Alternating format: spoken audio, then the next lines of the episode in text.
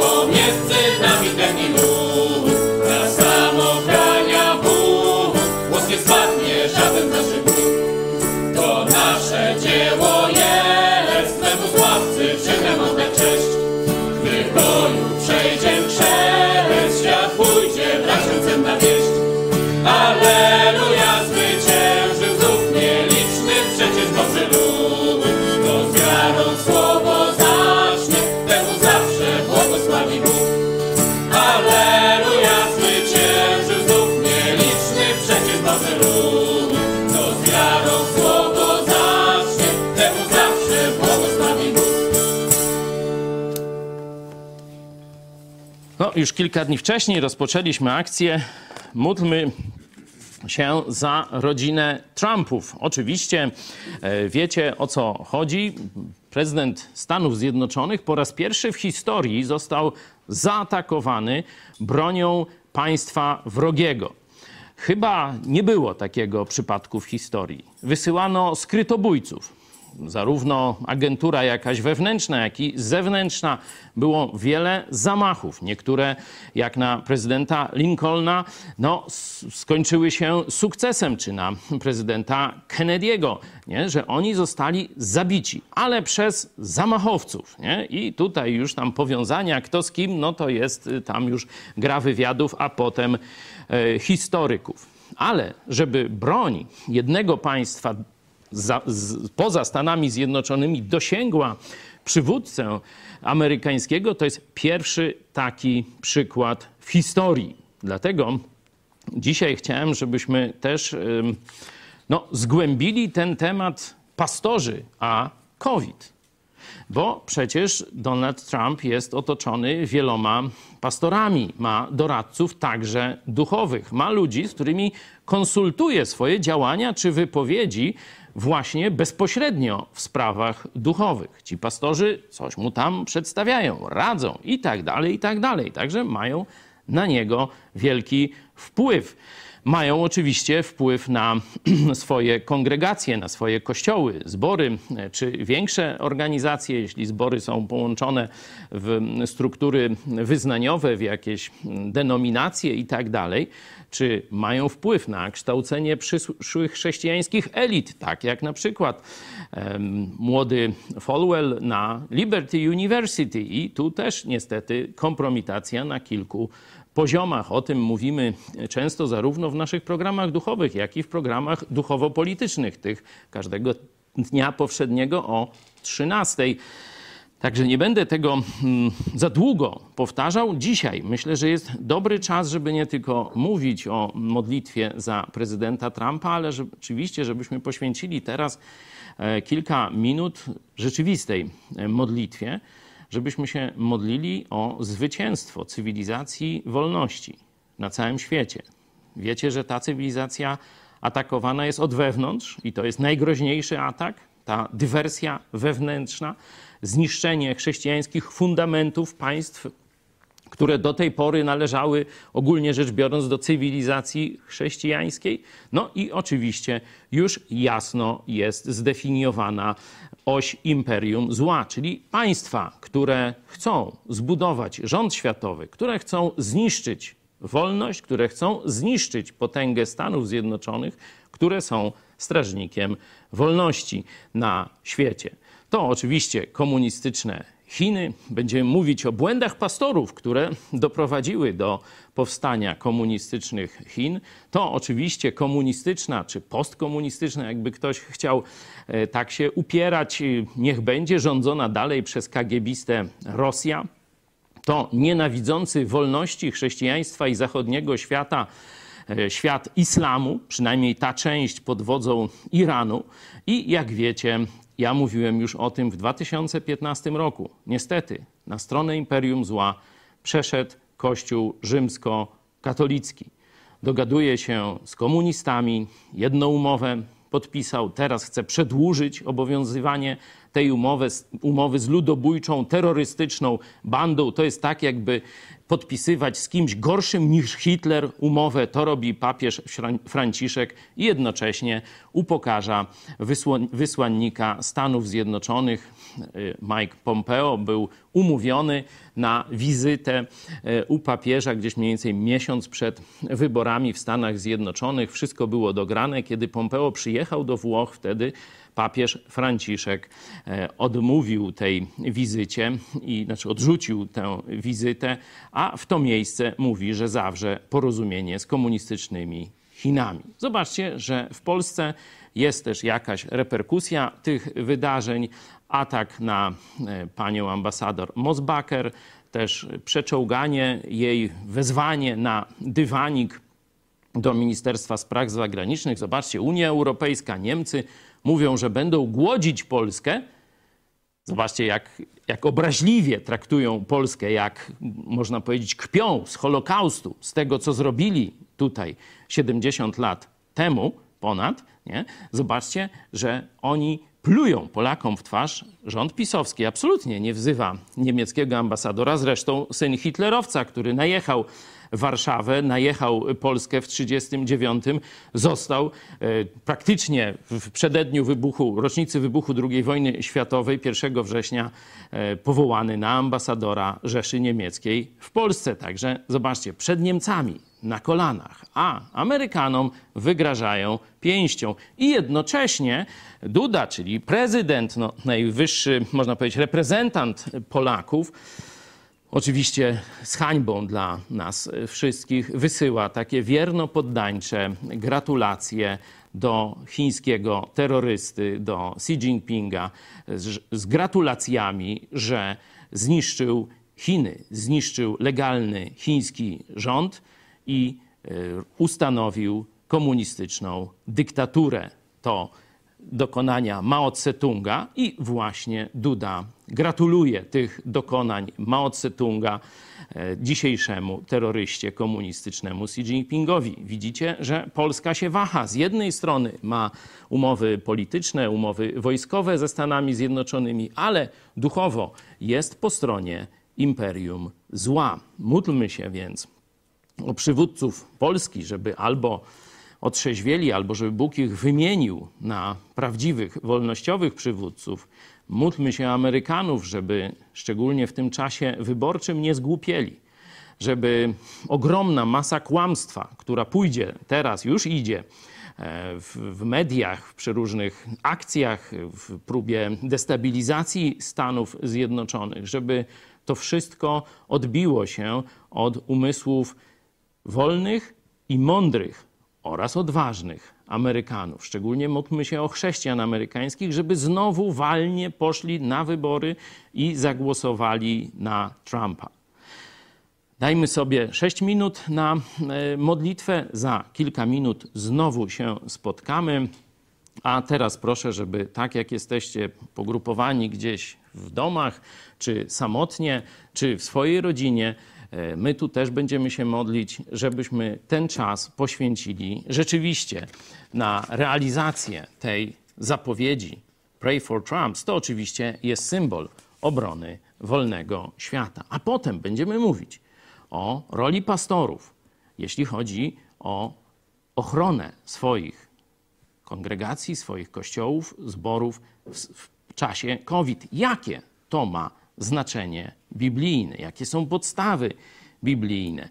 A potem, tak jak obiecałem wcześniej, zajmiemy się indywidualnym aspektem wpływu autorytetu na Twoje życie. Także do zobaczenia za kilka minut, a teraz proszę wszystkich o modlitwę.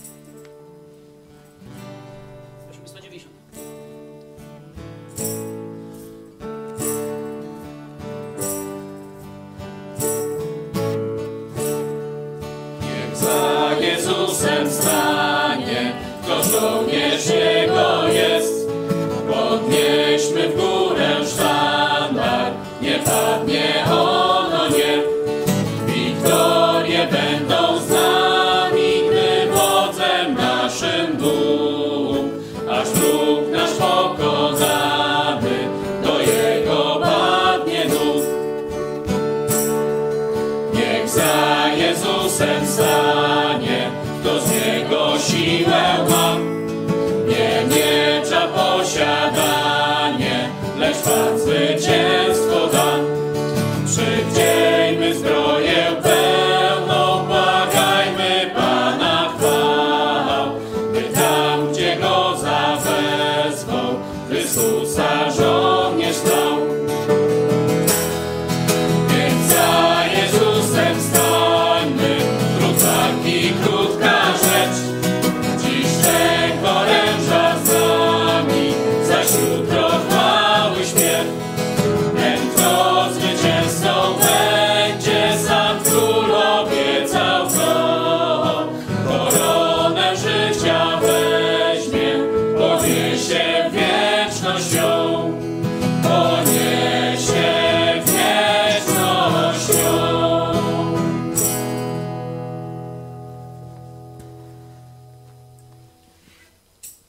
propos koronawirusa, myślę, że warto przypomnieć sobie, jaka jest główna funkcja pastorów, jaka jest główna funkcja pasterzy. Bo słowo pastor pochodzi od słowa pasterz. Nie?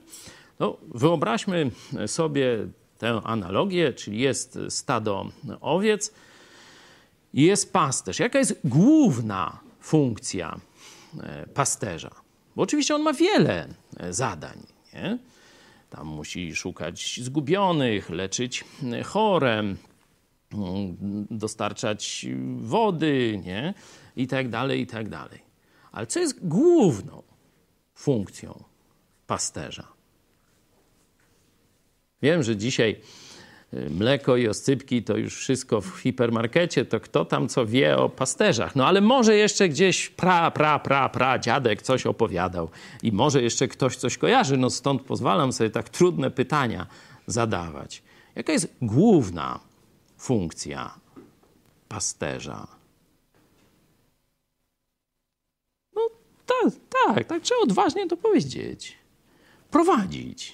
Prowadzić stado. No, różne są tam misje zlecone. Niekiedy trzeba z punktu A do punktu B, niekiedy trzeba do sąsiedniej doliny, tam do e, nowych pastwisk i tak dalej. Ale prowadzić. Prowadzić. No tak mniej więcej pasterstwo wygląda, że pasterz idzie na przedzie, wskazuje kierunek, musi być widoczny dla wszystkich owiec. Też właśnie to głos jego często e, bierze udział w, w tym prowadzeniu i wszystkie owce znają jego głos i on mówi do nich, komunikuje się, a one idą za nim. Idą za nim. On prowadzi, a one idą za nim. Nie? Dzisiaj wielu pastorów zapomniało o tej głównej roli e, pasterza i patrzą, gdzie, że tak powiem, wiatr wieje, czyli jakie są nastroje społeczne, czyli pastorzy stali się politykami. Już nie prowadzą owiec, ale wyczuwają nastroje owiec, gdzie one by chciały pójść. Do Disneylandu? Ha! Prowadzę do Disneylandu! I tak dalej, i tak dalej. Nie, to są zdrajcy, nie pasterze, nie pastorzy. Pastor musi prowadzić owce tam, gdzie chce arcypasterz, czyli Jezus Chrystus. Czyli musi mieć bardzo dobrą więź z Jezusem Chrystusem. Musi mieć Jego mądrość, konieczną do rozważenia tego, co dzisiaj jest wolą Bożą, w tych konkretnych warunkach, w jakich żyjemy. Co dzisiaj jest wolą Bożą dla Kościoła. Czym Kościół ma się zajmować, a czym ma się nie zajmować na co ma uważać, co ma, że tak powiem, z dużym marginesem bezpieczeństwa unikać, a w którą stronę się kierować. To właśnie jest rola Bożych pastorów. Rola trudna, bo jak się pomylisz, to nie tylko ty zapłacisz, ale ci, którzy za tobą idą. Dlatego wielu pastorów boi się tej roli i jest tylko zadawalaczami trzody nigdzie ich nie prowadzą.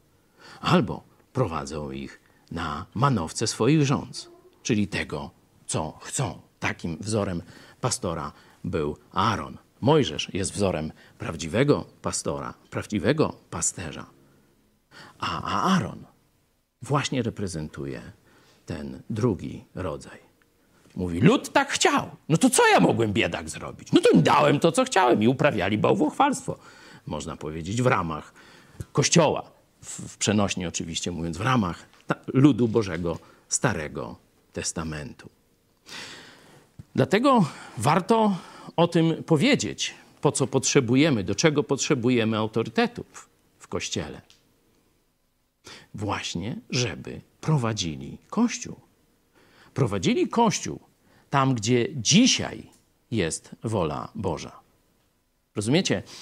W Biblii nie znajdziemy na to zawsze odpowiedzi jasnej, bo Biblia opisuje pewien obszar historii Starego i potem Nowego Testamentu. Właśnie kończymy dzieje apostolskie i to już mówiłem. Zobaczcie, zaraz się dzieje apostolskie skończą, już jesteśmy w połowie 28 rozdziału, koniec.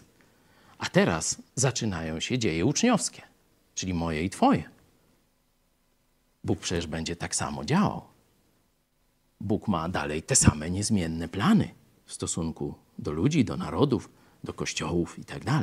My teraz musimy to, co wiemy z Biblii, korzystając z mądrości Bożej, gdy nam jest brak jej, rozpoznając okoliczności i korzystając z mądrości innych Bożych ludzi, mamy wybrać drogę dla Kościoła. To jest zadanie pastorów na dziś. I COVID, od którego zacząłem, czyli chiński wirus, dokładnie wirus komunistycznej partii Chin, jest bardzo dobrym testem na dziś dla pastorów. Bo pastor może świetnie znać Biblię. Pastor może być świetnym nauczycielem Biblii. Oczywiście tego wymagamy od pastorów, ale może być jak dziecko we mgle, jeśli chodzi o prowadzenie kościoła. Bo co innego nauczyciel Biblii, a co innego pasterz. Pasterz to ten, który wie, jak dzisiaj zastosować przekaz Biblii w dzisiejszych konkretnych okolicznościach. Tak jak powiedziałem, Biblia zawiera narrację pewnego okresu czasu ludzkości i zawiera zasady, jak postępować. A teraz przychodzą różne okoliczności. I każdy z nas te zasady z Biblii musi mądrze zastosować do tych okoliczności, w których żyjemy. Musi wiedzieć, jaka jest hierarchia zasad. Są jedne zasady, które są niżej w porządku hierarchicznym niż inne. Czyli jeśli trzeba uratować wyższą zasadę, to można poświęcić niższą zasadę, ale trzeba wiedzieć kiedy, trzeba wiedzieć jak, trzeba wiedzieć dlaczego. Akurat poświęcamy w tym momencie tę zasadę, nie dla łatwości, żeby nam się łatwiej żyło, bo to nie jest zasada biblijna. Których zasad z kolei nie wolno złamać pod żadnym pozorem, i tak dalej, i tak dalej. To nie jest takie proste. A potem jeszcze jest obszar tego, czego Biblia nie opisuje wprost, bo takie obszary też są. Daje zasady i daje nam dzisiaj obecność Jezusa Chrystusa i Ducha Świętego przy nas i w nas. Jeśli wam brak mądrości, mówi Jakub, niech każdy prosi, ale z wiarą. Tylko zobaczcie, jest bardzo ważny warunek. Kiedy możemy prosić o dodatkową mądrość? Tak. Kiedy Biblia jej nie podaje. Bo jeśli ty odrzucasz Biblię, mówisz, e, to, to, ta Biblia to takie tam trudne jest. Pomódlmy się do Ducha Świętego, niech nas prowadzi. A co będziemy się tam Biblią przejmować? To jak myślisz, gdzie wylądujesz? Z takim durnym pastorem, czy z takim durnym kościołem, który odrzuca Słowo Boże? i przechodzi w jakiś mistycyzm nie wiadomo jaki?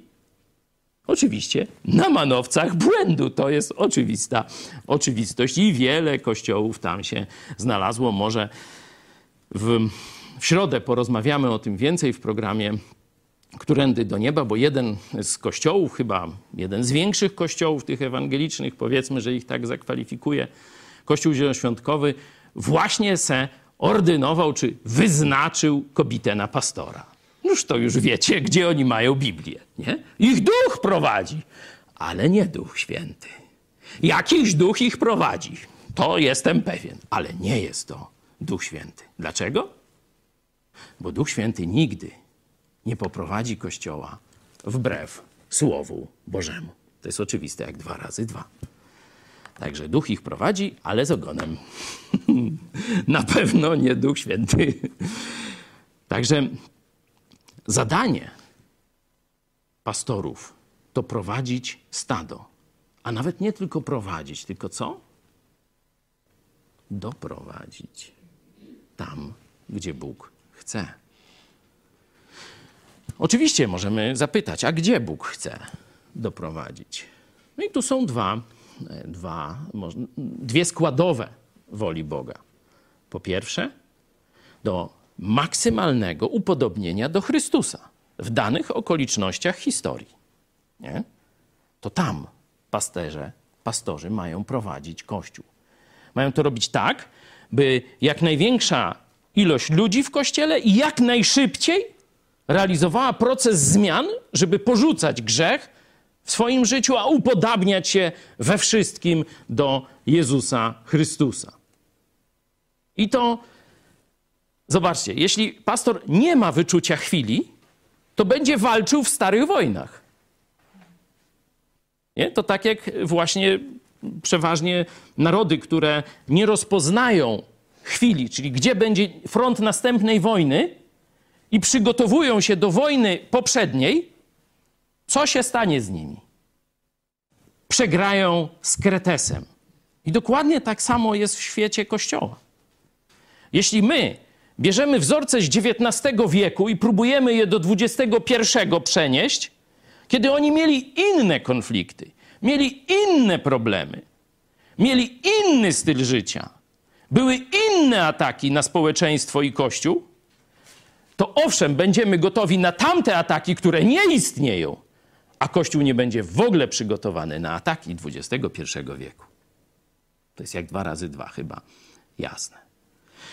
Czyli w danych okolicznościach pastorzy mają prowadzić Kościół tak, żeby owce, czyli członkowie Kościoła, jak najszybciej i jak najpełniej realizowali podobieństwo do Jezusa Chrystusa. To jest pierwsza część misji, a druga, żeby świadectwo Kościoła, mówię o lokalnej społeczności wierzących, tak błyszczało, tak świeciło, jak latarnia morska, dając światło jak największej ilości ludzi, żeby szybko, masowo przychodzili do Jezusa Chrystusa.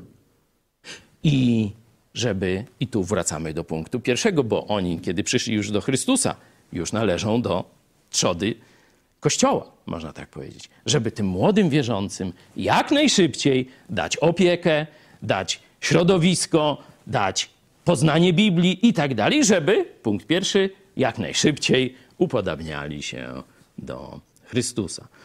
Te dwie części misji to jest budowanie i ewangelizacja. No niekiedy można powiedzieć ewangelizacja i budowanie, ale można je wymieniać w dowolnej kolejności, bo one są równie ważne. W ten sposób Kościół Jezusa przynosi mu owoc. Jezus czeka na ten owoc, a pastorzy są odpowiedzialni, żeby tego owocu było jak najwięcej.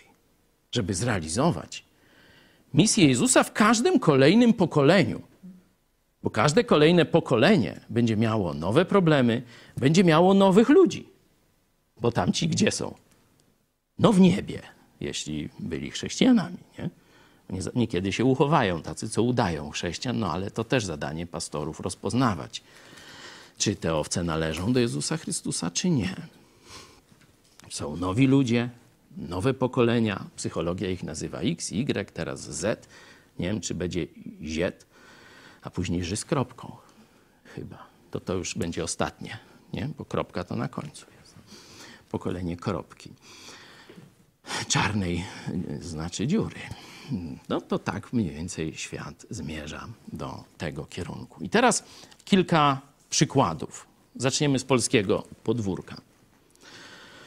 To jak się zachowają pastorzy, będzie decydowało o historii całego narodu. Zobaczcie, jak zachowali się pastorzy na przykład w Anglii, w Holandii, częściowo w Niemczech, w Skandynawii i tak dalej w XVI wieku. Różne były przyczyny historyczne, takie, śmakie i owakie, ale były też państwa, na przykład no, Holandia miała dość taki liberalny, można powiedzieć, rząd, układ i tak dalej. Nie? Anglia bardziej taki no, monarchiczny i tak dalej. Także są oczywiście różnice pomiędzy tymi państwami, ale wszystkie mniej więcej co stworzyły w tym czasie? Kościół Narodowy, tak. To był czas wojny. I tam, gdzie powstały kościoły narodowe, tam reformacja się, można powiedzieć, ostała. W Polsce myśleli, myśleli o Kościele Narodowym. Nawet na zjeździe szlachty w Piotrkowie Trybunalskim, nawet papieżowi grozili, że jak tam nie spełni naszego ultimatum, to stworzymy Kościół Narodowy. Ostatniego z Jagielonów też, e, że tak powiem, namawiano do tego, żeby stanął na czele Kościoła Narodowego. No ale on nie chciał. No dokładnie był bardzo wachliwy, jeśli e, chodzi o to chcenie. Nie? Tak nie bardzo wiedział, czy nie chciał, nie bardzo wiedział, jaką decyzję podjąć, czy e, nie bardzo chciał jakąkolwiek decyzję podejmować. Zajmował się trochę innymi sprawami. Był to no, schyłek, ostatni z Jagielonów, nie miał już potomka. Widać, że nie było Bożego błogosławieństwa. Ale szlachta stwierdziła, no król nie zrobił, no to i my też nie zrobimy. No i praktycznie przyszła kontreformacja i chrześcijaństwo w Polsce zostało zmiecione przez jezuicką kontreformację. Pastorzy nie wpłynęli na powstanie Kościoła Narodowego. Jeszcze parę innych grzechów popełnili, nie dbali o dyscyplinę w kościołach, dlatego, dlatego herezja ariańska się e, rozpanoszyła w kościele głównie reformowanym bardzo szybko. Praktycznie chyba ponad 70% kalwińskich zborów przeszło na właśnie, no dzisiaj można powiedzieć, do świadków Jehowy, czy, czy coś takiego, na arianizm. Nie? Także e, nie dbali też na poziomie czystości nauki w kościele i dyscypliny. Polscy pastorzy XVI wieku totalnie zawiedli. Co było skutkiem? Tak, likwidacja państwa polskiego niebawem. Że takie są konsekwencje decyzji pastorów. To nie królowie o tym zdecydowali, niestety. To pastorzy i kościoły chrześcijańskie w Polsce nie umiały rozpoznać czasu. Nie umiały zareagować właściwie na wymagania epoki swojej. I przepadli. No, może przykład międzynarodowy. Czy wiecie, co by dzisiaj było z komunistyczną partią Chin, gdyby chrześcijanie w Chinach zastosowali Boży model 100 lat wcześniej? W ogóle nikt by nie słyszał o komunistycznej partii Chin. A dzisiaj ona rządzi. To jest wina tamtejszych pastorów. No, można Chińczyków trochę rozgrzeszyć, bo to nie oni byli pastorami. To głównie Amerykanie, Anglosasi byli ogólnie, można tak powiedzieć, wtedy pastorami. Tak, mówię o takiej misji do Chin, koniec XIX, początek XX wieku, China Inland Mission i e, Hudson Taylor. On wymyślił, że lepiej zrobi ewangelizację Chin niż Słowo Boże. I dlatego stwierdził, nie będziemy Chińczyków uczyć wzrostu w Chrystusie. Nie będziemy ich uczyć dojrzałości. nie będziemy ich szkolić na przyszłych liderów, nie będziemy im zakładać kościołów, nie będziemy szkolić przyszłych pastorów, zajmiemy się tylko masową ewangelizacją. Tam były rozdzielniki, nie pamiętam już ile, ale chyba tysiąc dziennie. Możecie w historii misji sobie sprawdzić, że w tej właśnie misji, kiedy przyjeżdżali tam anglosascy misjonarze, rzeczywiście garnęli się drzwiami i oknami, było, było ich y, bardzo, bardzo wielu. I rzeczywiście głosili Ewangelię bardzo skutecznie. Chińczycy byli wtedy otwarci na ewangelizację, słuchanie o Jezusie. Masowo się nawracali, ale oni tylko głosili Ewangelię w jakimś mieście, na targu i tak dalej. Zwijali się następnego dnia, już byli gdzie indziej, gdzie indziej, gdzie indziej. Zostawiali tych ludzi bez żadnej opieki i tylko pędzili, żeby powiedzieć Ewangelię, wytyczne te zrealizować e, Taylora, żeby jak najwięcej ludzi usłyszało w jak najkrótszym czasie. Bez żadnego tego, tej drugiej części misji. Kompletnie to zaniedbali. I za chwilę potem przychodzi tak zwane powstanie bokserów. Ono jest zwrócone przeciwko wszelkiej, że tak powiem, jak oni uważali, okupacji zagranicznej. Czyli przeciwko wszystkim białym, tak mówiąc w skrócie.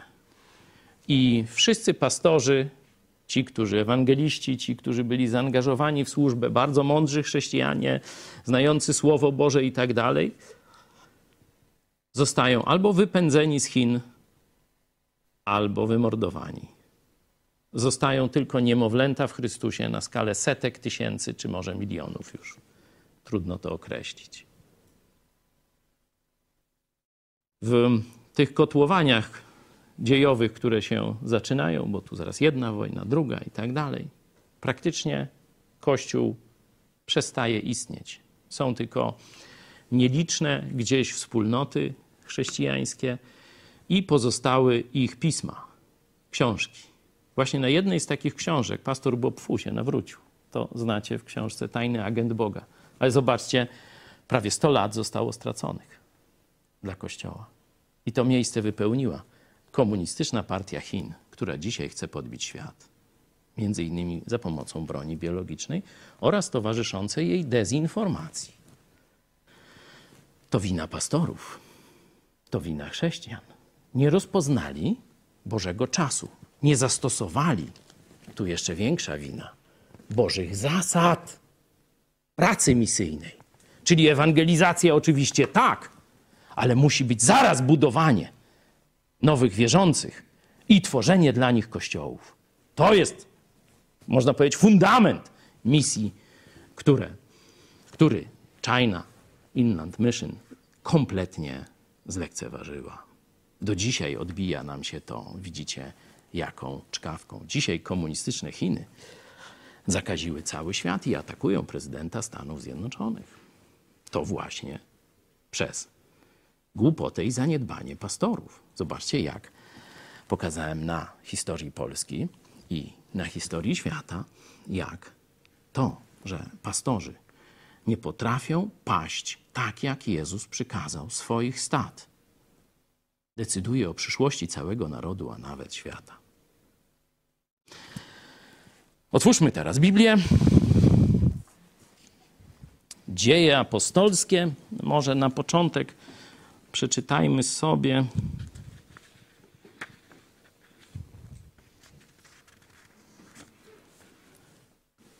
Dwudziesty rozdział, pamiętacie, pożegnanie apostoła Pawła ze starszyzną efeską. I przeczytajmy może te tych kilka wersetów, 28, 20 rozdział od 28 do 30. Miejcie pieczę o samych siebie i o całą trzodę, wśród której was Duch Święty ustanowił biskupami, abyście paśli zbór pański nabyty własną jego krwią. Ja wiem, że po odejściu moim wejdą między was wilki drapieżne, nie oszczędzając trzody. Nawet z pomiędzy was samych powstaną mężowie mówiący rzeczy przewrotne, aby uczniów pociągnąć za sobą. Amen. Zobaczcie nakazy miejcie pieczę, 28 werset, o samych siebie i o całą trzodę. Nie? I później, abyście paśli Kościół Pański, Kościół Jezusa. Czyli strzec i paść. Nie? Tu są te dwa określenia. I apostoł Paweł wie, że w tym momencie ich zostawia. On już im nie pomoże. Mówi, co pomoże. Sam Bóg i Jego Słowo. Ale nie pomoże wszystkim. Widzicie? Werset 30. Z pomiędzy was samych. Czyli część pastorów pójdzie na manowce. Część pastorów nie tylko sami zbłądzą, ale i innych w błąd wprowadzą. Nie dla Jezusa Chrystusa, ale dla jakichś swoich chorych ambicji. Mamy to zapowiedziane. I teraz pytanie. Jeśli Duch Święty słowem apostoła Pawła, słowami apostoła Pawła to zapowiedział, to będzie to się działo dzisiaj, czy nie? Jak myślicie? Jest oczywista oczywistość. To się będzie działo w każdym pokoleniu chrześcijan. Część pastorów zawiedzie, ale z tego faktu, że część zawiedzie, zobaczcie, jak ważna jest ich rola. Jak ważna jest ich rola. Bo część zawiedzie, ale część będzie wiernie stać przy Jezusie i prowadzić swoje kościoły właściwą drogą Jezusa Chrystusa. Czyli zobaczcie, jak wiele zależy od pastorów. Inaczej mówiąc, jak wiele zależy od kościoła, w którym jesteś. Czyli od pastora, którego słuchasz. To może być Boży człowiek, w takim sensie, że zna Jezusa Chrystusa, zna Jego słowa, ale może być to człowiek nieboży w tym sensie wyczuwania i rozpoznawania znaków czasu. Czyli wiecie, oczywiście jest grupa tych pastorów, tych, którzy mówią rzeczy przewrotne, którzy się sprzeniewierzyli nauce Jezusa Chrystusa, ale to dość łatwo rozpoznać. Zaraz zresztą e, możemy e, kilka zdań na ten temat powiedzieć. Ale będzie jeszcze grupa pastorów o dużej osobistej świętości, o dużej wiedzy biblijnej, o umiejętności radzenia sobie z problemami, na przykład leczenia owiec, czyli będą umieli dobrze ci doradzić i tak dalej, i tak dalej. Ale kompletnie zawodzący, jeśli chodzi o prowadzenie kościoła, czyli rozpoznanie przeróżnych symptomów, w których trzeba powiedzieć: A teraz idziemy w tą stronę, a teraz robimy to, a teraz nie robimy tego. Przypomnijcie sobie rok 2003. Co wtedy się działo? To już na historii e, czasów starożytnych o tym uczą w szkołach. Co się wtedy działo? Niektórzy to jeszcze pamiętają. Tak, była kampania, czy Polska ma wejść do Unii Europejskiej, czy Unia Europejska to jest rozwiązanie wszystkich naszych problemów, czy Unia Europejska to jest właśnie dopełnienie tam Solidarności. Jan Paweł II tam od rzeczy plut, że to jest nawet dopełnienie Unii y, lubelskiej. Ja nie wiem, jak mu się to skleiło, to, to, to już wiecie, tajemnica, oto wielka tajemnica wiary, złoto i dolary chyba, bo to ja... To zresztą Michalkiewicz napisał że nie ma takiej bramy, której by osioł objuczony złotem nie sforsował. On to w kontekście zdrady Jana Pawła II przy euroreferendum mówił. Także katolicki publicysta, gość Radia Maryja, publicysta Gazety Polskiej i tak dalej, takie rzeczy opowiadał, że przekupili papieża Jana Pawła Polskiego, Polaka, świętego, największego i tak dalej, i tak dalej. Nie? Także no, to są stare czasy, ale przypomnijmy sobie, jak kościoły protestanckie, niewiele ich w Polsce, ale trochę jest, jak zareagowały? Jak twój zbór, jeśli jesteś starym protestantem, starym jakimś ewangelicznym chrześcijaninem, niekoniecznie w wieku, chociaż no już jak to 2004, to już i wiek twój powinien być taki trochę do mojego podobny lub niewiele młodszy. Jak się zachowały kościoły? Część to w ogóle nie wiedziała, że coś takiego się dzieje. Nie? Część razem tam z różnymi Tuskami czy innymi wychwalała Unię Europejskie, Europejską. A ile kościołów przestrzegało przed tym, że to jest narzędzie zniewolenia narodu, że to jest narzędzie demoralizacji narodu. No strzelajcie, ci co nie wiedzą, niektórzy znają odpowiedź. Ile? To jest około 30 tysięcy chrześcijan ewangelicznych w Polsce, plus około 70 tysięcy luteran. Ile? Pięć kościołów? Może 15? No nie. Niestety tylko jeden. Kościół Nowego Przymierza w Lublinie. Jest tego ślad historyczny. Wtedy zaczęliśmy właśnie miesięcznik Idź pod prąd. Pokażę wam taki. Zobaczcie, jak bardzo aktualny numer. To jest ten świat, o który walczymy. A to jest ten świat, który komuniści i PiS nam sprowadzają do Polski. Także zobaczcie, wolność kontra komunizm. Jak jesteśmy na topie, to już jest praktycznie książka.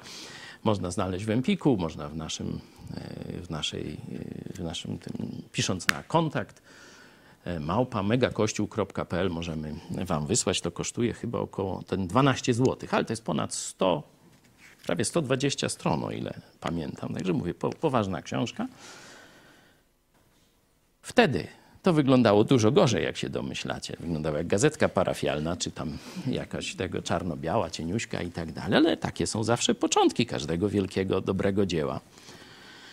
Jeden kościół w Polsce wydał oświadczenie, możecie sobie sprawdzić treść tego oświadczenia. Jeden kościół w Polsce rozpoczął akcje, uliczne akcje uświadamiające. W wielu miasteczkach tu Lubelszczyznyśmy byli, na Placu Litewskim można nas było znaleźć codziennie. Rozdaliśmy dziesiątki tysięcy ulotek i także egzemplarzy tej gazety. 2003 rok. Ile kościołów? Słownie jeden. Gdzie byli pozostali pastorzy? Jakie było ich rozpoznanie znaków czasu? Jakie było ich prowadzenie swojego stada? Zadajcie tym pastorom, którzy wtedy byli na urzędzie, którzy wtedy byli pastorami. Dlaczego ty nie przyłączyłeś się do tego, co robił Kościół Chojeckiego? Jak nas tak pogadliwie nazywają. O, niech wam będzie. Dlaczegoś się wtedy nie przyłączył? Dlaczego milczałeś? A nawet przyłączyłeś się do obozu zdrady narodowej. Zadajcie swoim pastorom to pytanie. No a teraz mamy test COVID. Część pastorów stwierdziło, że COVID-u nie ma. On stwierdził, nie widziałem, to nie ma. No to już to, to są skończeni e, mędrcy i już tu tylko wiek oklopa można nad nimi, że tak powiem, zamknąć, bo to nawet nie ma o czym gadać. Nie? No, ale podnieśmy wyżej piłeczkę. Część stwierdziło, no tak, mamy problem. Houston, mamy problem. Jest koronawirus, jest zagrożenie, no ale przecież jest nakaz, żeby kościoły się spotykały. Jest nakaz biblijny. To mówiłem, że są różne zasady biblijne i teraz weź je złącz razem, żeby to funkcjonowało na Bożą chwałę. Nie? Co zrobić? Tu wielu się rozjechało. Wielu naprawdę takich ludzi, których można by nazwać jeszcze. No, przestańcie się śmiać, bo mnie deprymujecie. No, żał mi tutaj ca cały czas. No. Sobie wyobrażają te rzeczy, o których mówię. No ale wróćmy z powrotem do y, spraw y, analizy zachowania przeróżnych pastorów.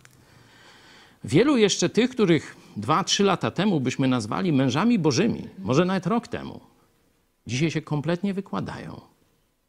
Nie wiedzą, co zrobić. I mówią: Jest COVID, jest zaraźliwy, ale nie możemy zamknąć kościołów, bo przecież kredyty, bo przecież pracownicy kościołów, nie? to zwykle e, te kościoły duże szczególnie, mają po 10, 20, 30, a nawet i większe są, tylu mają członków. Nie? To, to wiecie, samo sprzątanie obiektów. Ja widziałem parkingi jednego z mniejszych kościołów, to był w Appleton, ile ich tam było? 5 tysięcy chyba, nie? czyli jeden z mniejszych tych dużych kościołów amerykańskich, to tam parking to był w jedną stronę tak i w drugą stronę tak. Tyle, sam, tyle miejsca na same samochody. Wiecie, obiekt, wysprzątać, to, to są, to wiecie, to, jest, to są setki ludzi do obsługi tego, nie? czyli setki pracowników etatowych. No i teraz ludzie przestaną przychodzić, a zbiórka była jak?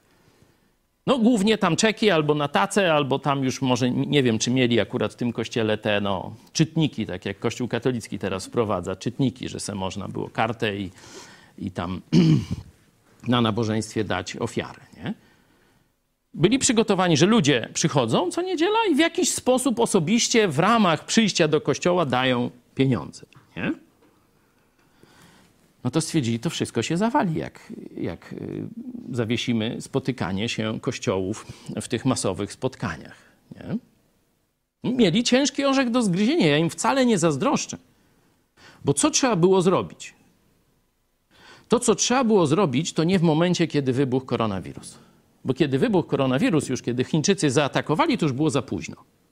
Wtedy to już, że tak powiem, można było tylko, jak to mówią, minimalizować straty trzeba było Kościół przygotować do funkcjonowania zdalnego 5, 3, 2, rok, pół roku nawet by starczyło wcześniej. Przecież zobaczcie, cały świat przechodził na dualizm funkcjonowania. Każda szkoła, nie mówię, że w Polsce, bo w Polsce to, y, to komunizm jest, no to oni chcą te dzieci wyrywać z y, rodziny, żeby je mieć w szkole fizycznie. Nie pamiętacie, trzy lata temu zaproponowaliśmy menelstwu, czyli Ministerstwo Edukacji Narodowej, teraz go likwidują, ale to tam nic lepszego z tego nie wyjdzie, z tej likwidacji. Zamienił stryjek sikierkę na kijek. Tyle y, będzie, albo na czarnka. Także tu nie wróżę żadnych sukcesów, ale trzy lata temu już nawet będzie prawie cztery chyba teraz, zaproponowaliśmy Menowi, że zbudujemy system zdalnego nauczania, opracujemy programy, wiecie, programy nauczania dopracujemy do, do zdalnego nauczania, przygotowujemy, przygotujemy techniki, szkolenia dla nauczycieli. To wszystko zaproponowaliśmy Menowi w piśmie, które jest też ślad w historii tego. Tu Wiesia Gazda, emerytowana nauczycielka szkoły y, w Jedliczu koło y, Krosna, no, tym prowadziła ten y, projekt, jest korespondencja. Gdyby nam pozwolono wtedy, trzy lata temu, to zobaczcie, gdzie byśmy byli. Przecież my byśmy zrobili pierwsze, pierwsze te eksperymenty, tak, śmak, inni by zaczęli się dołączać i w momencie koronawirusa mielibyśmy już gotowy system, a przez te wakacje wszystkie szkoły by przeszły na, na nauczanie zdalne. Z gotowymi systemami, które by realizowały też tę funkcję społeczną, socjalizacji dzieci i tak dalej, bo to się da zrobić. Tylko trzeba pomyśleć, trzeba przetestować, trzeba ludzi przygotować. Myśmy chcieli uratować szkołę w Polsce trzy lata temu. A Menele powiedzieli, e, co by tam, będziemy se tu przechodzić na zdalne nauczanie. Przecież dobrze idzie wynaradawianie Polaków i demoralizacja w systemie, że tak powiem, dziennym. No to po co nam tu jakieś brewerie? Nie wolno, tak? Nie lzia. Jak to jest? Forbidden po angielsku?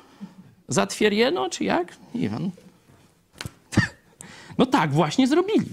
Myśmy chcieli. Gdyby posłuchano chrześcijan, myśmy nie wiedzieli o koronawirusie przecież wtedy. Ale rozpoznawaliśmy znaki czasu, że cały świat przechodzi na system dualny. Że to, co się robi, y, najlepsze uczelnie w świecie zaczynają, konferencje się zaczyna robić za pomocą naukowej i tak dalej, za pomocą telekonferencji i tak dalej, nie? Myśmy to rozpoznawali. Aha, świat się tak zmienia. To co musi zrobić Kościół? Sikierę i rozbić wszystkie monitory, rozbić wszystkie komputery, bo krowy przestaną jajka nosić. No tak, może jakiś jełop by zrobił, ale normalny człowiek patrzy. Aha, druk wynaleźli. No to drukujemy Biblię, to drukujemy kazania i dzięki temu przecież właśnie reformacja się ostała, nie? A teraz wynaleźli internet. Teraz wynaleźli transmisję na żywo. Teraz wymyślili te programy społecznościowe. No to Kościół wchodzi pierwszy. Pamiętacie telewizję Idź Pod Prąd? Jak zaczynała nadawać na żywo, to było parę tygodni po rozpoczęciu tej funkcji YouTube'a. Może parę miesięcy, to tam już nie pamiętam, trzy jakoś tak.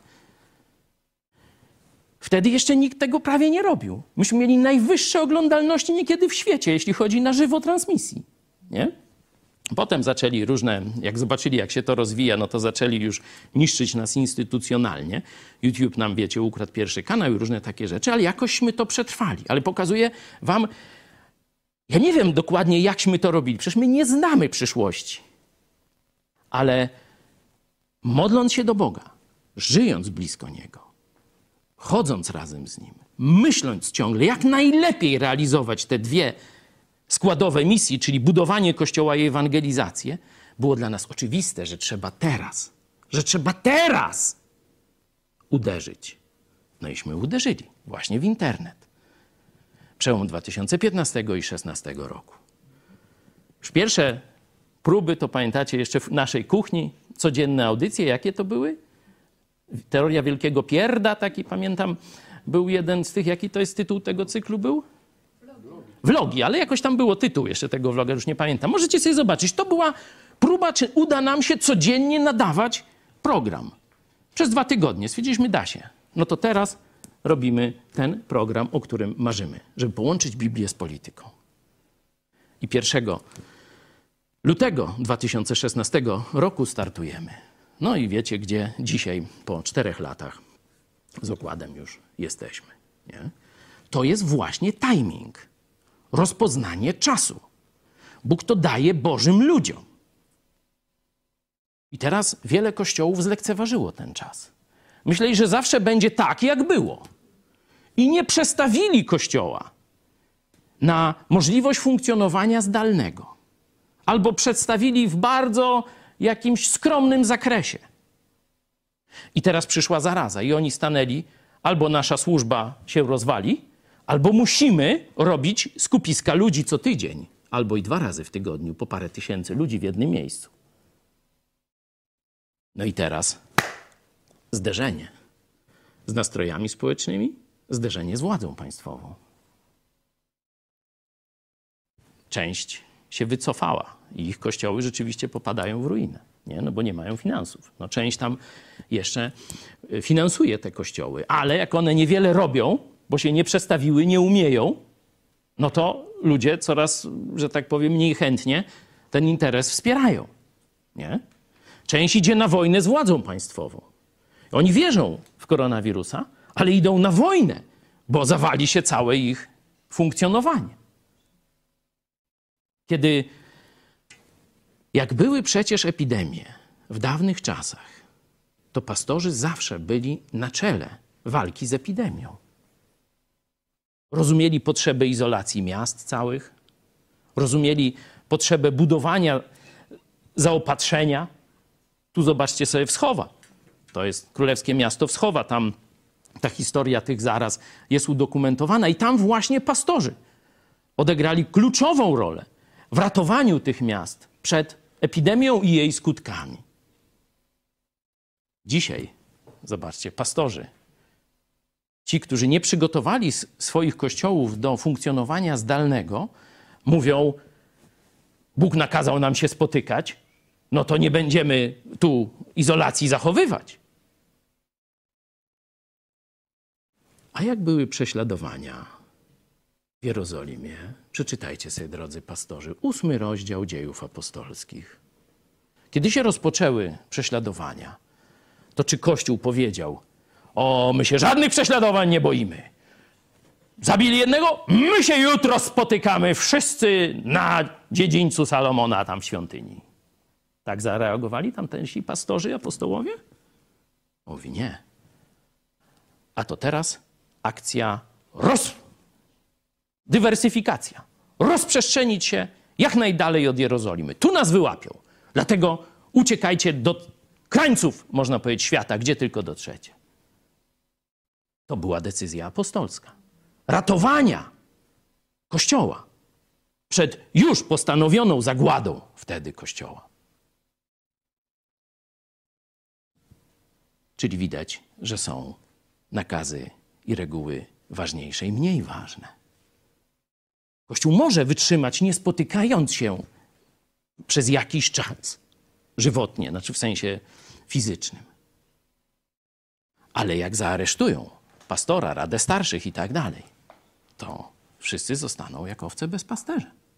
I, ten, I to się może stać niebawem. Na życzenie samych kościołów. Można powiedzieć tak. Bo nie przystosowali, kiedy był na to czas. Bóg dał wiele lat. Mniej więcej 5-10 lat Bóg dał na przystosowanie kościołów do czasowego funkcjonowania zdalnego. Czyli zamiast pastorzy stanąć w awangardzie walki z chińskim wirusem.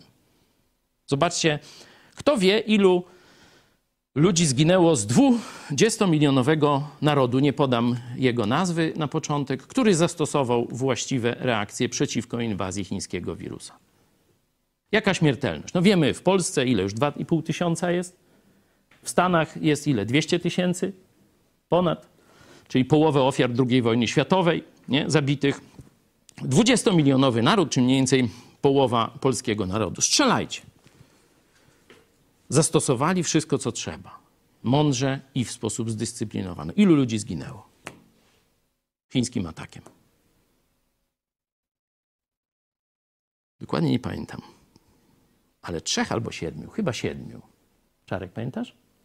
To sobie posprawdzajcie w internecie. To państwo to Tajwan. Zastosowali izolację, kwarantannę, masowe noszenie maseczek, dystans społeczny. Zagrożenie trwało, poważne zagrożenie trwało około miesiąca, dwóch, potem już tylko niewielkie. Kilka osób zmarło z 20-milionowego narodu. Tak można było odeprzeć inwazję chińskich komunistów koronawirusem. Ale musiało być przywództwo i dyscyplina. Siedem osób, o, sprawdziliście, tak. Przywództwo mądre, właściwa decyzja na wszystkich możliwych szczeblach administracji, bo to wiecie, nie wystarczy, żeby przywódca powiedział, a reszta powie, e, taki świr stary, to tam dajmy tam. Tego. Przecież wielu w szpitalach tak dzisiaj jest. Ordynatorzy nawet podejmują mądre, mądre decyzje, ale część personelu uległa już kłamstwu chińskiej narracji w internecie. I wie, tam te, te, tam grypa, co będziemy tam zakładać te maseczki? Chodź, Franek, napijemy się, o tam o, przyszli koledzy z drugiego szpitala, zróbmy se tu bibkę. No już to tak przecież Lipsko padło, czerwona strefa. Właśnie tak, bibkę se zrobili w szpitalu. Z, z, z, innych wzięli jeszcze szpitali, w jednym wystarczyło, żeby była choroba, poszła na wszystkie do widzenia. Nie? Także tak się to właśnie dzieje. Pastorzy powinni być na czele. Niestety część pastorów przeszła nawet do obozu wroga i zaczęli wykorzystać Słowo Boże żeby wspierać komunistyczny atak. I to się nawet dzieje w Polsce. Jeden z pastorów, znam jednego, może więcej jest takich zdrajców, który powiedział, że noszenie maseczek to znak bestii i żeby chrześcijanie pod żadnym pozorem nie używali maseczek. Ciekawe, czy też w jego kościele murarze nie używają, czy ci, którzy zajmują się płytami gipsowymi i wykończeniem ścian. Czy też nie używają maseczek, bo to znak bestii? To jest po prostu przejście do obozu wroga. To jest zwiedzenie, tak jak właśnie czytaliśmy w dziejach apostolskich. Nawet pomiędzy was samych powstaną mężowie, mówiący rzeczy przewrotne, czyli odwrócenie kota Kaczyńskiego ogonem. Czyli jest prawda, a oni mówią fałsz i mówią, to jest prawda. No to apostoł Paweł takie proroctwo tu wygłosił. Powstaną mężowie, pastorzy, mówiący rzeczy przewrotne, aby uczniów pociągnąć za sobą. Później będzie jeszcze mówił o tym, o tych, którzy rzeczywiście będą służyć diabłu i jego interesom. Dlatego podsumowując tę część, Pastorzy są potrzebni po to, oczywiście Boży pastorzy już to mówiłem, nie będę powtarzał, żeby w odpowiednim momencie historii powiedzieć, a teraz jako Kościół skręcamy w tą stronę, robimy to, koncentrujemy się na tym, a to zostawiamy. mamy do wyboru. Ja dyskutowałem z pastorami. Jedni mówili, Polskę uratuje przetłumaczenie na polski dzieła Kalwina. Refutacja, czy jakoś tam Soboru Trydenckiego, czyli odrzucenie Soboru Trydenckiego. Jak to na polski przetłumaczymy? Albo najlepiej jeszcze razem z Biblią Króla Jakuba. Jak to się stanie, Polska pod krzyżem zegnie kolana. Ja mówię, nie. Budujmy telewizję internetową. I teraz zobaczcie, kto miał rację. Prosty test rozpoznania znaków czasu. Boży pastor rozpozna. Głupi poprowadzi swój lud na manowce. To nie jest bez znaczenia, w jakim kościele jesteś. To nie jest bez znaczenia, gdzie prowadzi Twój pastor. On odpowie za siebie, ale Ty zmarnujesz życie w złym kościele i nie wydasz owocu, który mógłbyś wydać, gdybyś był w dobrym kościele prowadzonym przez Bożego pastora, który umie rozpoznać znaki czasu. A teraz jeszcze obiecałem tę część indywidualną, to krótko możemy przeczytać, jak apostoł Paweł szkolił swojego asystenta, można by tak e, nazwać, też pastora Tymoteusza. Zobaczmy. Drugi Tymoteusza, trzeci rozdział. Przeczytajmy w szerszym kontekście, czyli dość, no, dość długa lektura. Przeczytajmy aż do 17 wersetu. A to wiedz, że w dniach ostatecznych nastaną trudne czasy. Ludzie bowiem będą samolubni, chciwi, chełpliwi, pyszni, bluźnierczy, rodzicom nieposłuszni, niewdzięczni, bezbożni. Bez serca nieprzejednani, przewrotni, niepowściągliwi, okrutni, niemiłujący tego, co dobre. Zdradzieccy, zuchwali, nadęci, miłujący więcej rozkosze niż Boga. Którzy przybierają pozór pobożności, podczas gdy życie ich jest zaprzeczeniem jej mocy. Również tych się wystrzegaj. Albowiem z nich wywodzą się ci, którzy wdzierają się do domów i usidlają kobiety opanowane przez różne porządliwości, które zawsze się uczą, a nigdy do poznania prawdy dojść nie mogą. Podobnie jak Janes i Jambres przeciwstawili się Mojżeszowi, tak samo ci przeciwstawiają się prawdzie. Ludzie spaczonego umysłu, nie wytrzymujący próby wiary. Ale daleko nie zajdą, albowiem ich głupota uwidoczni się wobec wszystkich, jak to się i z tamtymi stało. Lecz ty poszedłeś za moją nauką, za moim sposobem życia, za moimi dążnościami, za moją wiarą, wyrozumiałością, miłością, cierpliwością, za moimi prześladowaniami, cierpieniami, które mnie spotkały w Antiochii, w Ikonium, w Listrze. Jakież to prześladowania zniosłem, a z wszystkich wyrwał mnie Pan. Tak jest. Wszyscy, którzy chcą żyć pobożnie w Chrystusie Jezusie, prześladowanie znosić będą. Ludzie zaś źli i oszuści coraz bardziej brnąć będą w zło, błądząc sami i drugich w błąd wprowadzając. Ale ty trwaj w tym, czegoś się nauczył i czego pewny jesteś, wiedząc od kogoś się tego nauczył. I ponieważ od dzieciństwa znasz Pisma Święte, które cię mogą obdarzyć mądrością ku zbawieniu przez wiarę w Jezusa Chrystusa. Całe Pismo przez Boga jest natchnione i pożyteczne do nauki, do wykrywania błędów, do poprawy, do wychowywania w sprawiedliwości, aby człowiek Boży był doskonały, do wszelkiego dobrego dzieła przygotowany. Dzięki. Na koniec mamy tę składową Pisma Świętego w naszym rozwoju duchowym. Nie? Ona jest. Apostoł Paweł o niej mówi w sposób zdecydowany, jasny, dobitny.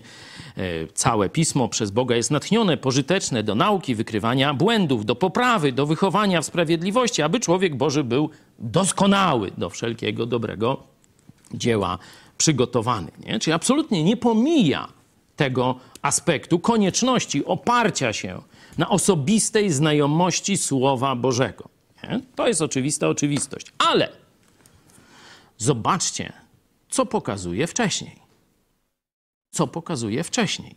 Lecz ty, mówi o głupocie części przywódców, także chrześcijańskich, że ich głupota uwidoczni się wobec wszystkich, tak jak z tamtymi buntownikami Starego Testamentu i głupcami się stało, wobec wszystkich. Dlatego teraz jest test koronawirusa. I teraz głupota pastorów wychodzi, możesz sobie możesz zobaczyć, jak no tam niemowlęcia i tak dalej. Nie? Proste jak dwa razy dwa.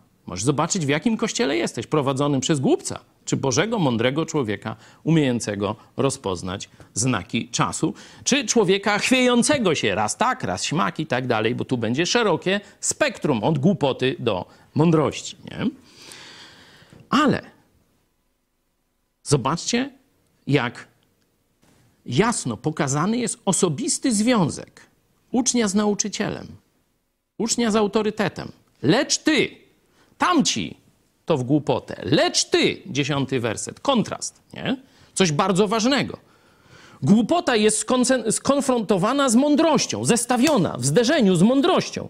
I co jest mądrością Tymoteusza? Lecz ty poszedłeś za moją nauką. Wtedy jeszcze Pisma Świętego w pełni nie było. Czyli on chodził z Pawłem, no i słuchał kolejnych objawień Pisma Świętego, bo w ten sposób powstawały nowe księgi. Jako listy, jako części wypowiedzi w dziejach apostolskich, to e, studiujemy wieczorami 20.30. Zapraszam poniedziałek, wtorek, czwartek, Biblia w czasie zarazy. Kończymy dzieje apostolskie w tym tygodniu jeszcze. Tam będziemy. Lecz ty poszedłeś za moją nauką. No dobra, ale zobaczcie za czym jeszcze. Sami sobie to przeczytajcie. Za moim sposobem życia, za stylem życia.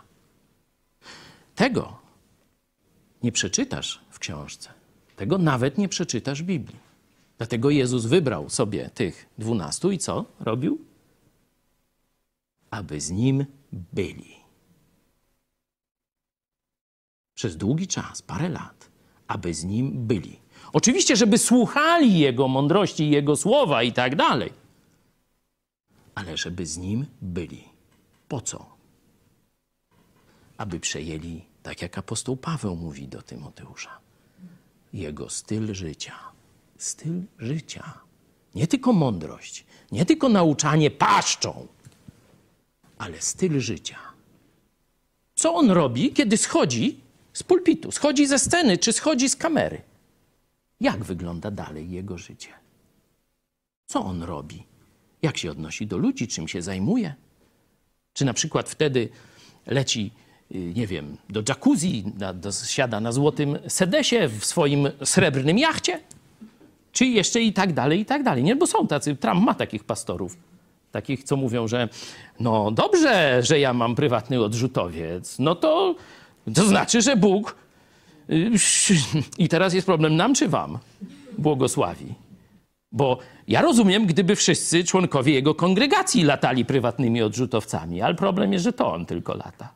No już to jakoś nie za dobrze. Nie? Za moim stylem życia. Widzisz go na scenie i poza sceną. Widzisz go przy jedzeniu i widzisz go w odpoczynku. Widzisz go e, w pracy, widzisz go w rozmowie z innymi, widzisz go w rozmowie ze swoją rodziną i tak dalej, i tak dalej. O tym apostoł Paweł mówi. Dlatego jeśli ty nawróciłeś się, ale tylko słuchasz czyichś wykładów w internecie, nawet jeśli to są moje wykłady, to i tak to nie jest to, o czym apostoł Paweł tu mówi. Ty musisz mieć okazję obserwować prywatne życie dojrzalszego chrześcijanina, który będzie ciebie prowadził we wzroście duchowym, za moimi dążnościami. Czyli zobaczcie, cele. Niemowlę w Chrystusie nie rozumie jeszcze złożoności natury Kościoła, wzrostu i ewangelizacji. Ono może czuje dobrze, ono może ma pierwsze jakieś dobre pomysły, ale cele właściwie dla Kościoła definiować mogą tylko dojrzali chrześcijanie. Widzę, pastorzy, to jużśmy mówili wcześniej. Za moją wiarą. Czyli widzisz Jego w kryzysie, kiedy trzeba zaufać Bogu. Co On robi, kiedy się wali wszystko? Jak się zachowuje? Czy się roz, rozpłaszcza jak ta meduza na piasku? Czy zaciśnie zęby i dalej robi swoje?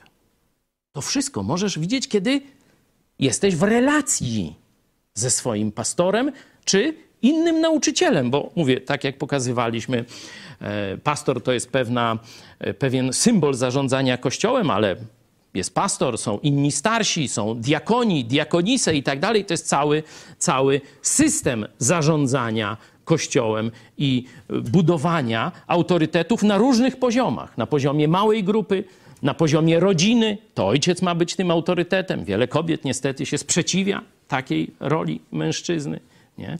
To później większe grupy, y, to później starsi i tak dalej, i tak dalej. To później gdzieś zaangażowanie w jakąś służbę. Tam też ktoś najlepszy y, przewodzi i jego styl naśladują pozostali.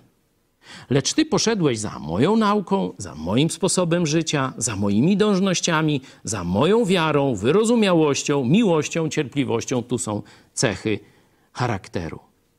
No i jeszcze jest coś dodane. No i za moimi prześladowaniami. Prawdziwy uczeń to ten, który weźmie prześladowania swojego mistrza na siebie. Pamiętacie, jak Jezus rozdawał chleb, to ilu było chętnych do stania się uczniem Jezusa? Tysiące. Tysiące. Zobaczcie sobie szósty rozdział Ewangelii Jana. A kiedy zaczął im mówić bardzo trudne rzeczy, E, coś pieprzy od rzeczy i idę se do domu. Już chleba nie daje, tylko jakieś farmazony oplata. Pamiętacie, co Jezus zrobił nad tymi dziadami? Czy płakał, czy prosił, zostańcie ze mną? Bo tam apostołowie, no zaraz, ludzie odchodzą, coraz mniej ludzi. A Jezus do nich, czy i wy chcecie spieprzyć? Oni, o nie, noż mistrzu, gdzież byśmy mieli? I tak dalej. No zobaczcie sobie, taka scena przedstawiona jest w szóstym rozdziale Ewangelii Jana. Poszedłeś i tam, gdzie źle. Poszedłeś tam, gdzie nie ma popularności, gdzie nie ma aplauzu, gdzie nie ma sympatii ludzi. Tylko jest złość, zawiść, opuszczenie i prześladowanie. Ty wtedy też byłeś ze mną, mówi do Tymoteusza. I kontynuuje w czternastym wersecie, ale ty trwaj w tym, czegoś się nauczył. Trwaj. Będziesz kuszony, żeby część porzucić, żeby zluzować, żeby nie tak ostro. Nauczyłeś się, widziałeś, jak ja to robię, poszedłeś za tym, cierpiałeś razem ze mną, a teraz zostawiam cię samego. Ale trwaj w tym, czegoś się nauczył. Bo wiesz, od kogoś się nauczyłeś. Bo wiesz, że ja swoją głowę pierwszy dałem tym wartościom, do których teraz prowadzę cię, żebyś ty ryzy- ryzykował. To jest biblijny obraz uczniostwa. Jeśli nie masz się od kogo uczysz, uczyć, będziesz znał chrześcijaństwo tylko teoretycznie. Dlatego potrzebujesz kościoła, ale nie byle jakiego, gdzie wiecie, wszyscy siądą w ławkach w niedzielę, pastor powie kazanie i pójdą do domu.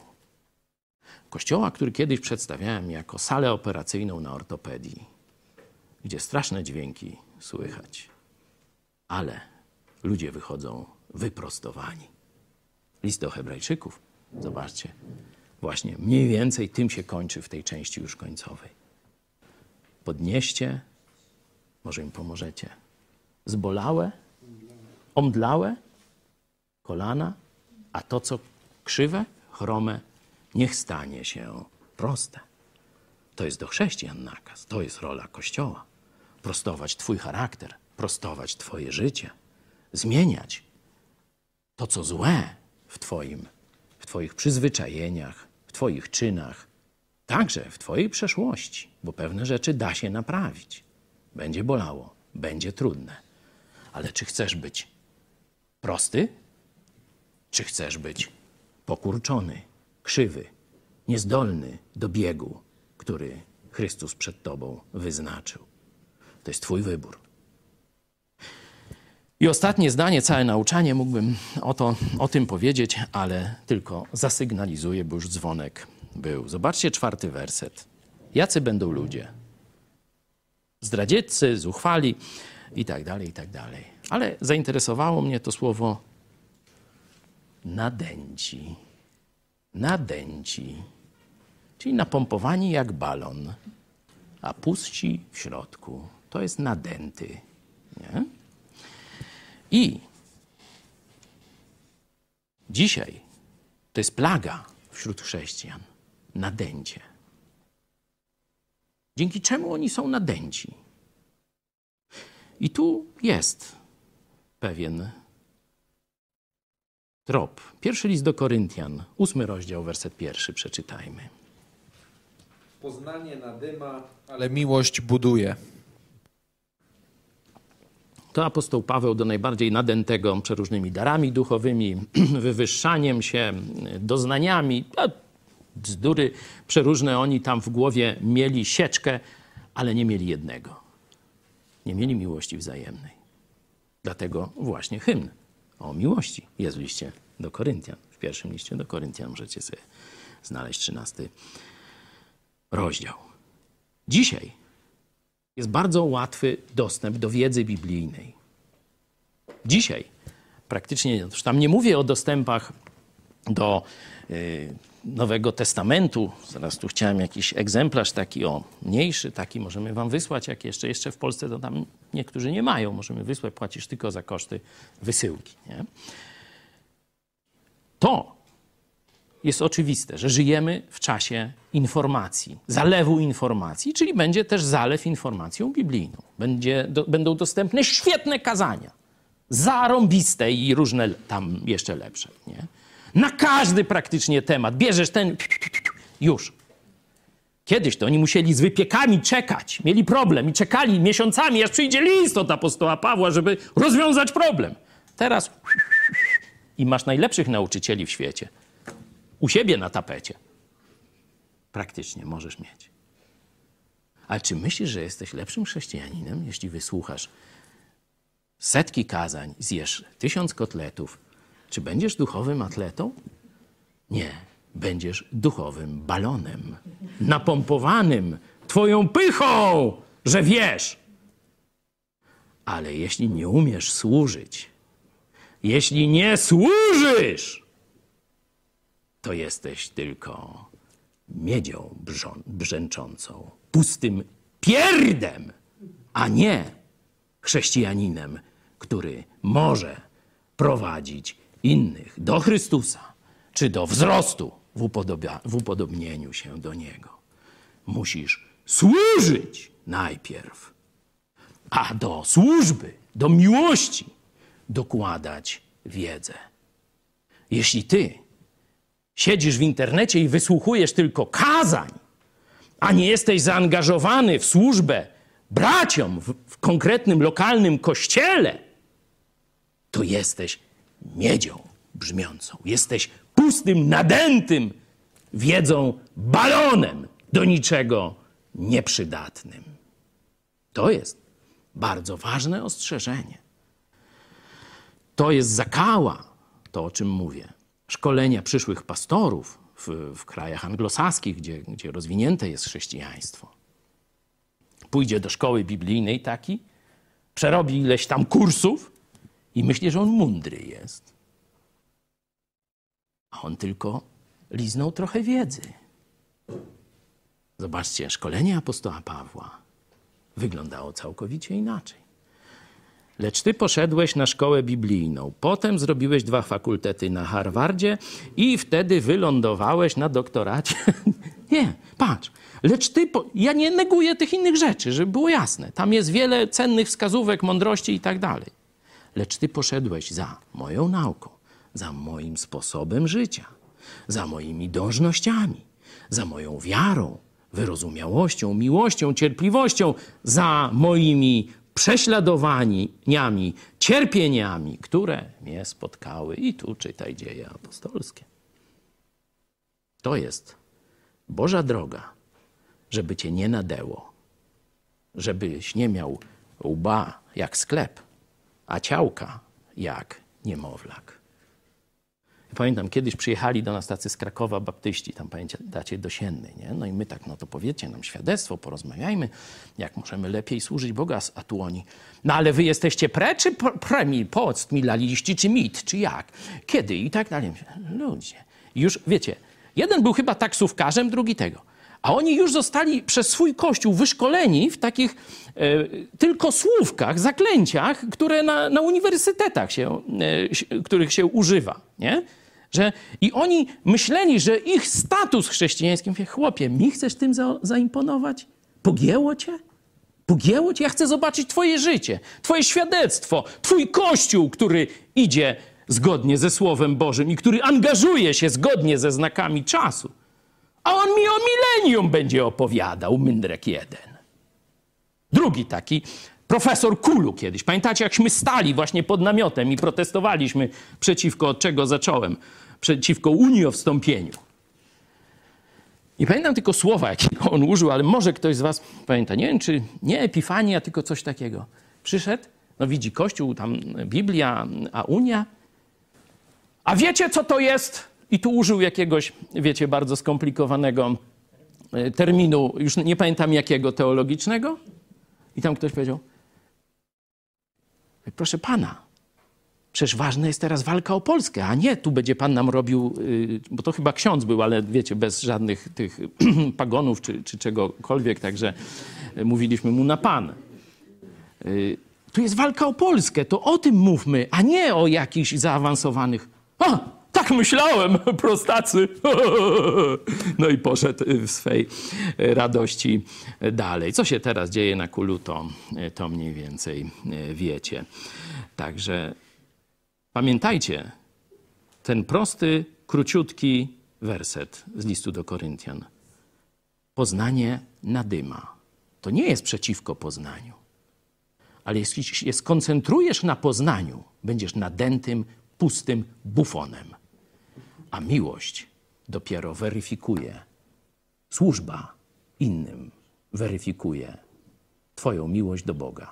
To zresztą możemy znaleźć tę myśl i tym już naprawdę zakończę. Pierwszy list Jana, czwarty rozdział. Jeśli kto mówi, miłuję Boga, a nienawidzi brata swego, kim jest?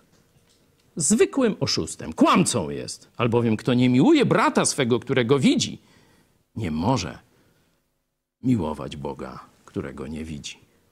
Jeśli nie służysz braciom, jeśli nie służysz we wspólnocie Kościoła, to nie mów, że kochasz Jezusa Chrystusa. Dziękuję. Ktoś coś zaproponuje, co zaśpiewamy?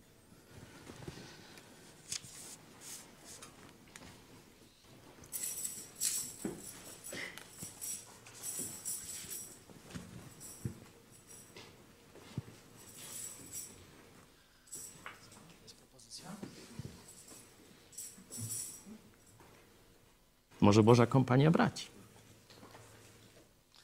Dobrze. To jest numer 199.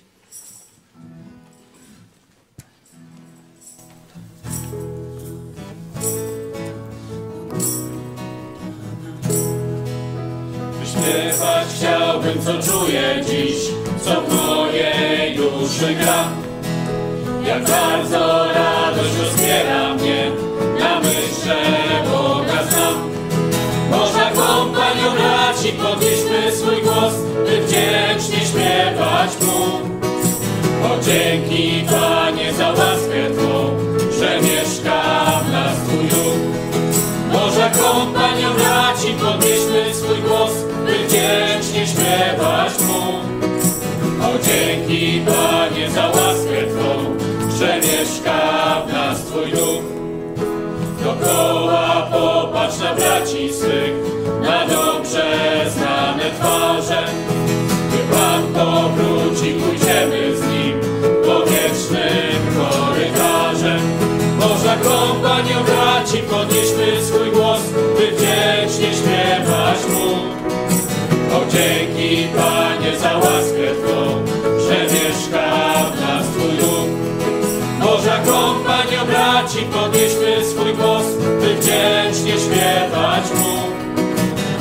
dzięki Panie za łaskę Twą, że mieszka w nas Twój duch. Gdy mija czas i za rokiem rok odchodzi w siną dal. My wiemy, każdy kolejny krok gdzieś chwały zbliża nam. Boża kompanio braci, podnieśmy swój głos, by wiecznie śpiewać Mu. O dzięki Panie za łaskę Twą,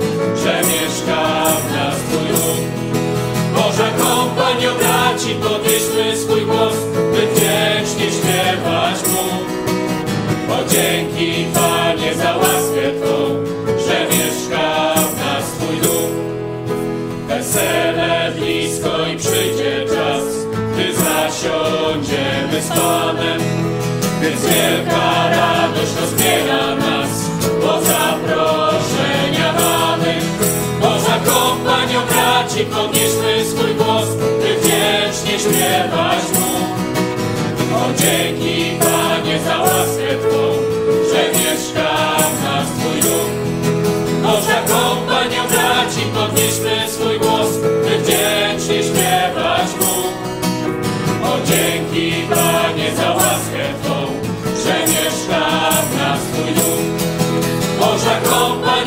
braci, podnieśmy swój głos, by wdzięcznie śpiewać Mu. O dzięki Panie za łaskę Twą, że mieszka w nas Twój duch. Pośpiewałby człowiek jeszcze, ale już późno, nie chcemy was tak strasznie długo trzymać. To tylko krótkie ogłoszenie o 18. Dzisiaj pogotowie rodzinne, oszczędzanie z głową. E, I e, też wielka radość. Udało się i we wrześniu e, zgromadzić przy projekcie telewizji Idź Pod Prąd 115 osób, dobrze? Tysiąc, oczywiście, tysiąc, no bo my nadwyżkę, bo tysiąc gitar, 1115 osób. Michale, jeśli błądzę, to mnie szybko popraw, ale takie zapamiętałem dane. 1115 osób wsparło ten projekt telewizji internetowej, chrześcijańskiej telewizji internetowej, która tłumaczy historię i politykę dzisiaj Polakom rozrzuconym na całym świecie. Pozdrawiamy też naszych braci ze Stanów Zjednoczonych, bo tam kolejny zjazd idź pod prąd. Chyba tylko ze Stanów. Z Kanady nie ma nikogo? Radek? Zamknięta granica. No, zobaczcie.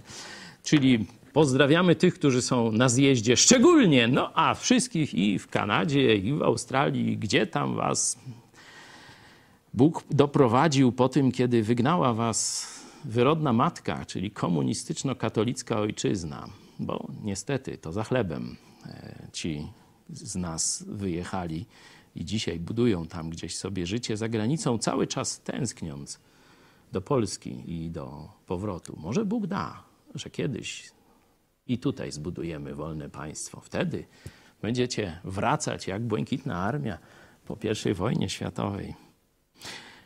Czy jeszcze powinienem coś ogłosić? A, Żydzi mieli koniec roku i początek nowego we wrześniu. My to tak trochę później, bo jesteśmy kościołem wyrosłym z tradycji studenckiej. To kiedy jest koniec i początek roku? Tak, no po kampanii wrześniowej jest właśnie październik, stąd rozpoczynamy nowy rok w życiu Kościoła Nowego Przymierza w Lublinie. Ci, którzy już są zaangażowani w projekt Mega Kościół, otrzymaliście maile z tymi różnymi projektami, propozycjami, kursami, e, grupami tematycznymi, takimi, śmakimi. O tym będziemy jeszcze rozmawiać na najbliższym łączeniu. A dzisiaj do zobaczenia.